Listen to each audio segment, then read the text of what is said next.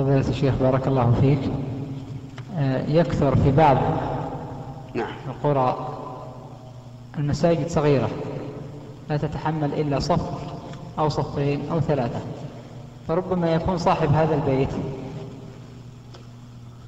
نعم.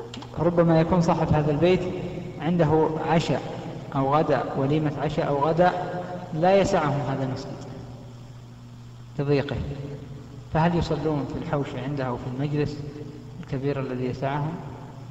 آه، إذا ضاق المسجد عن أهله هذا يسأل يقول إذا ضاق المسجد عن أهله فهل يصلون في الحوش اللي جنب المسجد؟ نقول لا إذا ضاق المسجد عن أهله يصلون ولو في الشارع.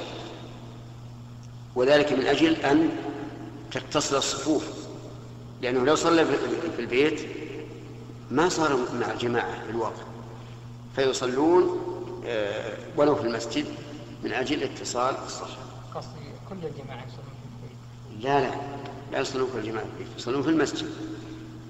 ما وسعهم المسجد فهم في المسجد وما ضاق عنهم فهو في السوق. طيب إذا ما في مجال. في ما في مجال. ما في مجال الشارع خطر تجيهم سيارة.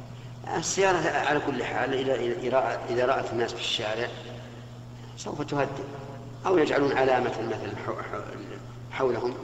برميل ولا إشارة ولا اي نعم.